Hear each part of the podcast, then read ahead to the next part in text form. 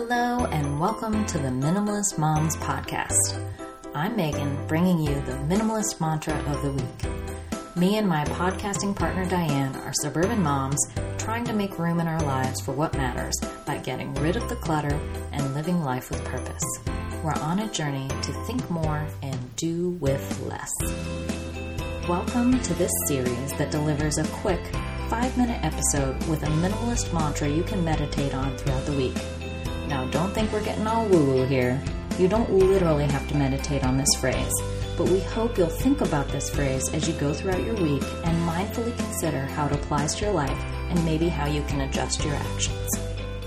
Today's mantra is reduce your choices. Decision fatigue is a real thing. This is how it works. We make hundreds of decisions each and every day. As we make those decisions, the quality of the decisions goes down. This is why we can resist the bag of chips at lunchtime, but find ourselves face down in the bag while binging on Netflix before bedtime. Conversely, our culture runs on the assumption that we need more choices. Take a trip to the grocery store, for example. If you want to buy breakfast cereal, there are a hundred choices. Oh, you want flakes in your cereal?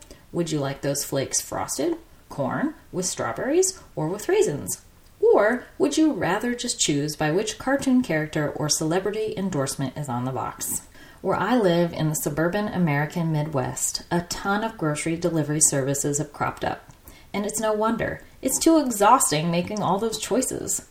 We may think it's saving us time, and it is, but it is also saving us the fatigue of making all those choices. We can combat decision fatigue by reducing the amount of decisions we make on a daily basis. Think about how many decisions you make before you even get out of the house in the morning. Which one outfit do I wear out of the hundreds of clothing items in my closet? Which makeup should I put on today out of the dozens of products that litter my bathroom counter?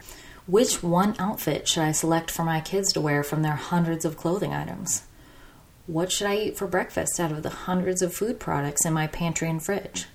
Time to pack the kids' lunches. There's a ton more decisions to make. Do you see where I'm going with this? We could use up half of our daily allotment of decision making energy before our day even begins. This is why we're making our mantra of the week reduce your choices. Reducing your choices may sound boring, but for me, it's been a game changer. Take my mornings, for example. I selected a small amount of clothing to wear each season. My capsule wardrobe reduces the amount of choices I have to make getting dressed. I picked one well rounded breakfast and eat the same thing every morning. I established a routine for the kids so they know to eat breakfast, select their clothing from the right drawer, and brush their teeth. Lunches are packed the night before so they know where to reach for them in the fridge before leaving for school. Once the kids are off to school and I sit down to work, I've saved my mental energy for the important tasks that face me that day. I used to start my day with a low level of anxiety after the panicked rush that was our school mornings.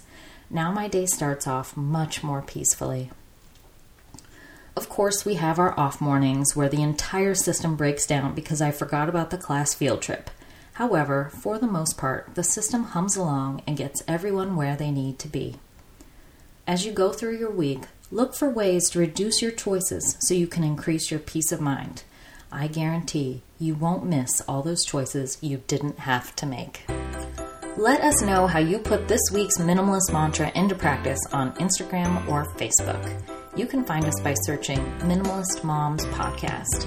As an additional resource for you, we have included a complete transcript of this podcast on our website, minimalistmomspodcast.com.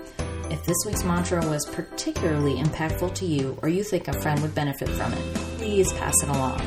We have a cool text service set up so that if you text the word minimalist to 444999, we'll email you notification whenever a new podcast is posted.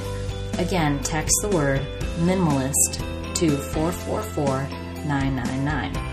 And don't forget to leave us a rating or review on iTunes. We throw a mini dance party every time we see one of those. We wish you a lovely week as you think more and do with less.